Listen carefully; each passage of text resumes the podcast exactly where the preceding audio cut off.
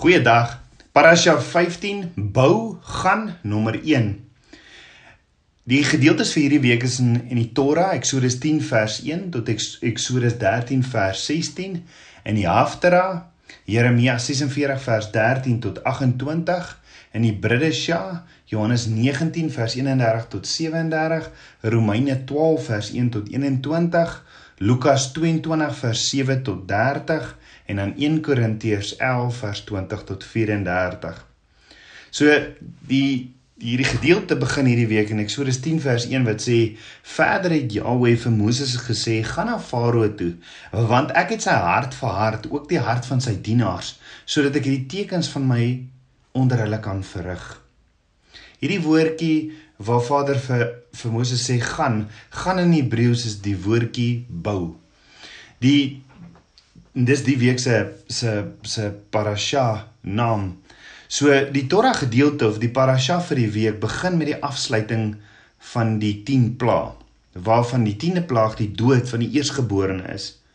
Om die plaag te vermy, kry die die Israeliete dan die instruksie die vir die pasgalam en dan ook die ongesuurde brode. Ook in hierdie gedeelte of parasha gaan ons kennis maak met die inleiding tot Abba Vader se kalender. Tot dusver was die Israeliete vir 430 jaar onderwerp aan die Egiptiese kalender en het hulle nie geweet dat Abba Vader sy eie kalender het nie.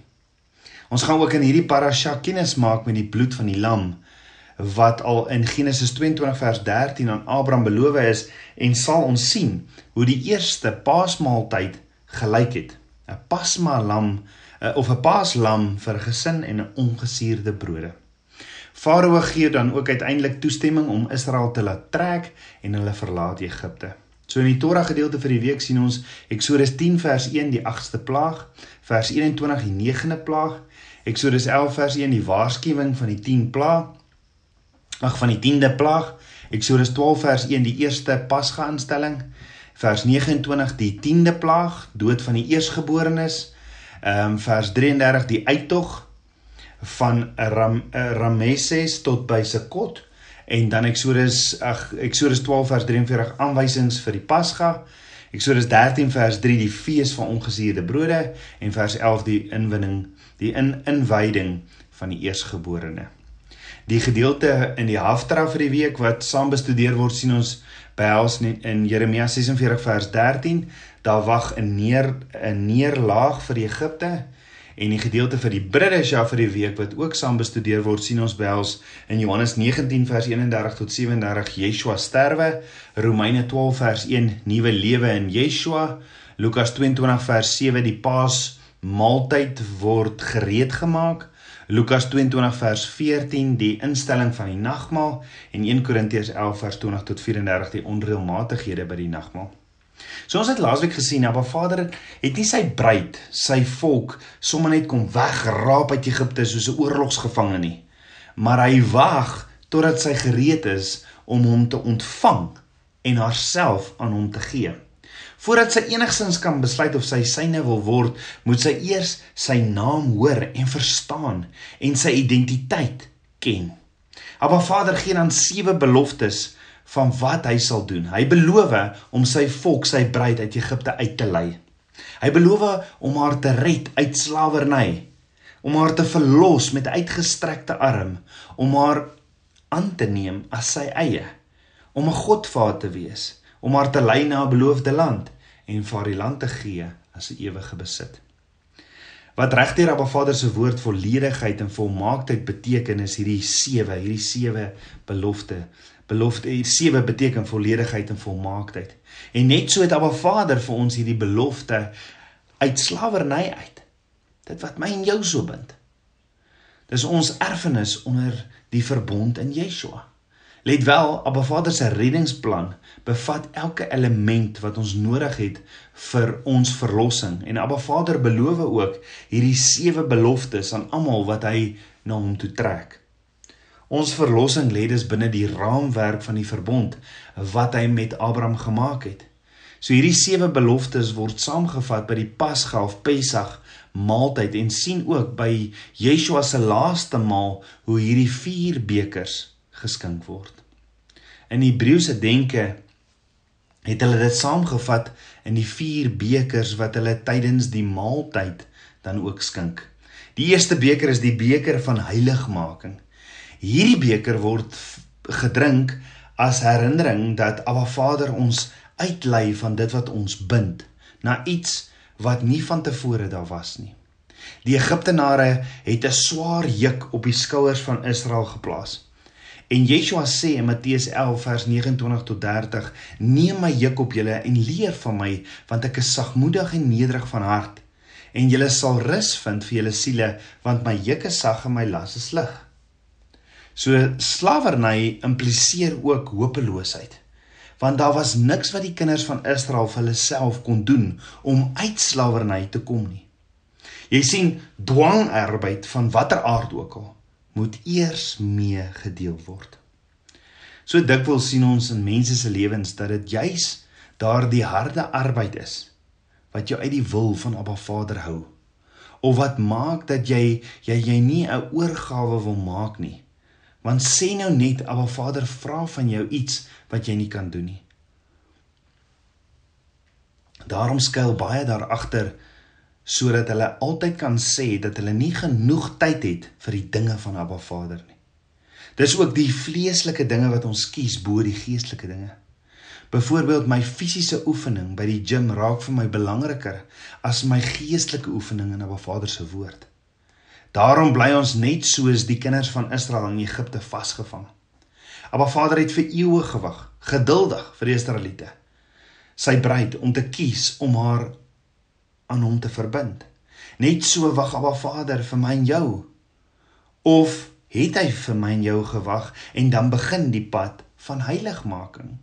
Heiligmaking beteken dat Abba Vader jou eenkant neem, set apart Dis wat heilig beteken, is set apart om afgesonder vir die doel en die droom wat hy nog altyd vir jou het. Nou in hierdie week se gedeelte of parasha begin Abba Vader dan om hierdie proses in werking te sit deur 'n onderskeid te maak tussen Egipte en die kinders van Israel. Die pla wat op Egipte afkom, kom nie op Israel nie, want hulle is nou eenkant geneem vir Abba Vader se doel. Met ander woorde, hier begin Abba Vader om vir ons 'n prentjie te skets van wat hy met ons wil doen as individue sowel as in groepe. Hy wil ons afsonder van die res van die wêreld, totaal oorgegee aan hom en aan sy doel vir ons. Deur hierdie afsondering of setting apart identifiseer hy sy bruid. Maar sy bruid is 'n aanhouding en onder iemand anders se mag. Nou beloof hy om daardie boeye aftal en haar uit die gevangenis uit te lei. En wanneer hulle by Berg Sinai aankom, vind die verloving wat net so bindend as die huwelik is plaas. Hy gee selfs vir haar 'n ring daar. Ja, die Sabbat, die Sabbat, want Eksodus 31 vers 13 sê spreek jy met die kinders van Israel sê jy moet sekerlik my Sabbatte onderhou want dit is 'n teken tussen my en julle en julle geslagte sodat die mense kan weet dat ek die Here is wat julle heilig. Maar meer daaroor later. So die beker van verlossing is die eerste beker wat tydens die Pasga maaltyd gedrink word. En is dan ook die beker van heiligmaking want voordat jou redding plaasvind, begin Abba Vader deur jou eenkant toe te neem. Die tweede beker is die beker van dankbaarheid. Tydens die Paasmaaltyd word 'n tweede beker gelig want wat dan die dramatiese redding uit Egipte simboliseer. Egipte was en is vandag nog die simbool van die totaliteit van die vyand en dit sou 'n aanhoudende afweer vra voordat Farao die kinders van Israel sou laat gaan. Hierdie is vandag nog so. Ons sien so dikwels dat mense tot bekering kom, maar altyd gevange amper bly in Egipte of gevange bly in Egipte. Ek glo dat ons nie opgelei genoeg is om oorwinning te kry in ons lewens nie. Die woord leer ons want ons raak so gewoond daaraan om maar net te bly sit in een of ander dilemma terwyl Abba Vader vir ons 'n duidelike opdrag gee deur die gebeure in Egipte. Wanneer gaan ons wanneer gaan ons hierdie autoriteit in Yeshua begin gebruik? Net soos die kinders van Israel het ons redding nodig uit die geestelike gevangenis waarin ons vassit. Elke een van die plaae was gerig op een of ander afgod in Egipte.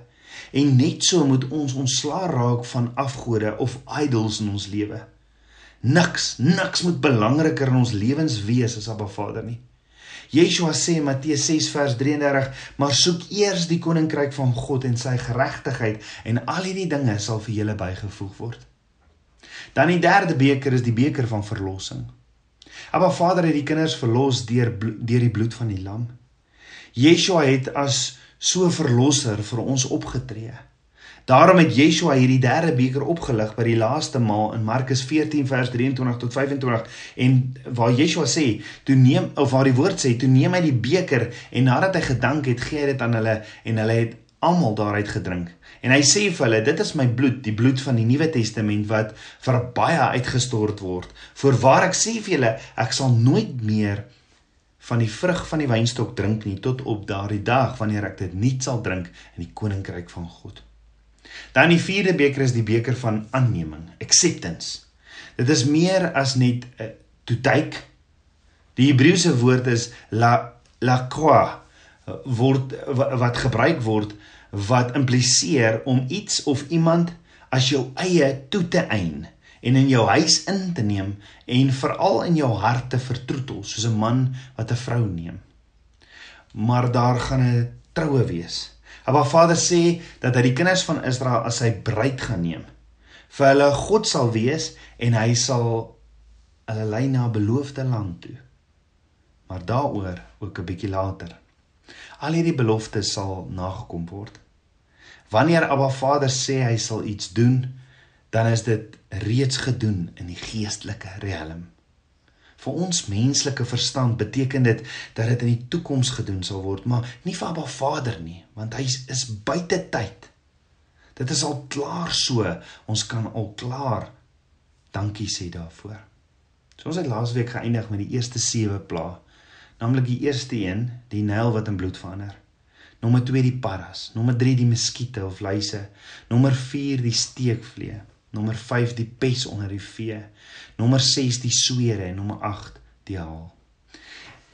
Ons het gesien in al 8 hierdie plaae is daar 'n God. Eh, is was daar 'n God van Egipte wat geaanbid is vir hierdie goeders.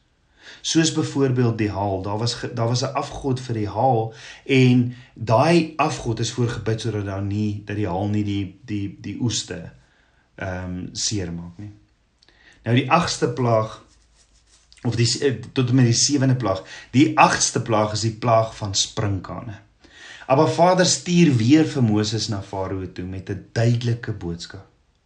Maar let wel, na die sewende plaag staan daar Egipte het net nog een groot voedselbron wat oorbly en dit is die koring wat onaangeraak was deur die haal. In Eksodus 10 vers 3 tot 5 sê Abba Vader deur Moses en Aaron vir Farao: "So spreek die Here, die God van die Hebreërs: Hoe lank weier jy om jou voor my te verontmoedig? Laat my volk trek dat hulle my kan dien. Want as jy weier om my volk te laat trek, kyk dan bring ek môre sprinkane in jou grondgebied en hulle sal die oppervlakte van die land oortrek sodat 'n mens die land nie sal kan sien nie." En hulle sal die oorblyfsels afeet van wat gered is wat vir julle van die haal oorgebly het en al die bome wat vir julle uit die veld opgroei sal hulle afeet. So op Vader sê vir Moses om Farao te waarsku dat hierdie laaste voedselbron bron net soos die ander vernietig sou word as hy nie die kinders van Israel laat gaan om hom te aanbid nie. Hierdie was Abba Vader se botsing of oordeel teen die afgod Seth. Dit was die afgod van storms en rampe oor die plantasies en die oeste van Egipte. Hierdie afgod was spesifiek aanbid om die lande te beskerm. Maar hoor gou-gou die sleutelwoord in hierdie gesprek tussen Farao, Moses en Aaron wat vir Farao kom waarsku, die sleutelwoord hierso is môre. Sprinkane, sprinkane sal môre die lug en velde van Egipte vul. Tensy Farao hulle laat trek, tensy hulle die kinders van Israel laat trek. Met ander woorde, dit hoef nie te gebeur nie, Farao. Maar die enigste rede hoekom dit wel gebeur is omdat Farao volhard het in sy eie hardkoppigheid om die verkeerde en dwaase besluit te neem en weier om die Hebreëse volk te laat gaan. So oor minder as 24 uur sien jy net sprinkane en die tyd, die horlosie glas hardloop uit. Maar dink daaroor. Wat is op die spel? Die absolute laaste hoop vir voedselvoorraad vir die mense in Egipte. Die oes bestaan uit koring wat tans in die veld groei, sowel as die dadelpalms, granate, olywe en vye wat in die gekweekte boorde langs die Nyl groei.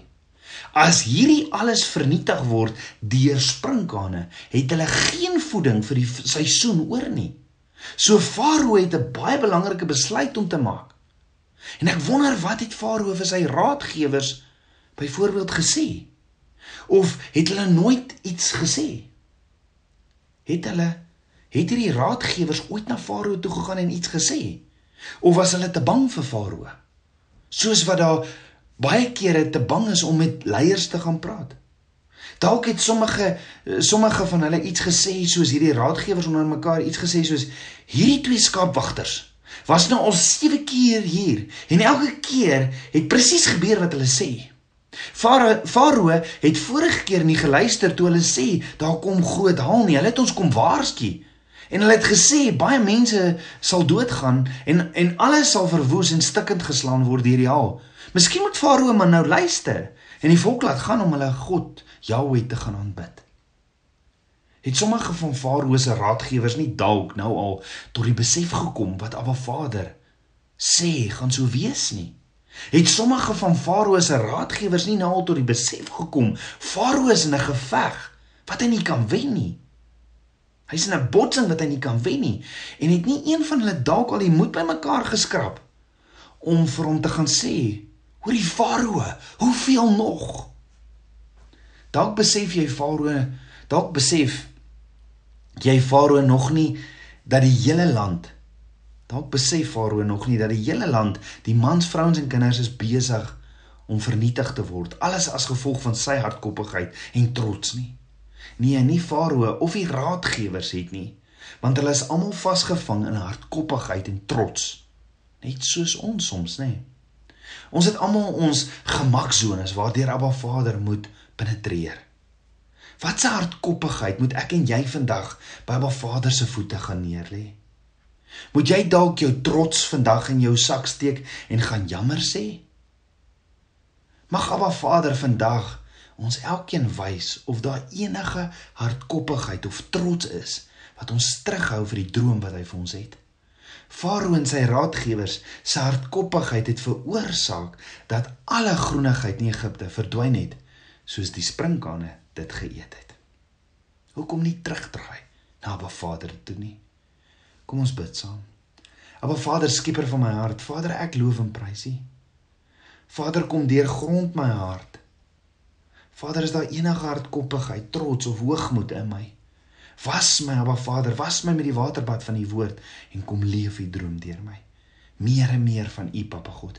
Meer en meer van U geheimenisse en net U waarheid, asseblief, Daddy, kom leer my. Ek bid dit alles in Yeshua, Hamasieg se naam, die seun van Jahweh. Shalom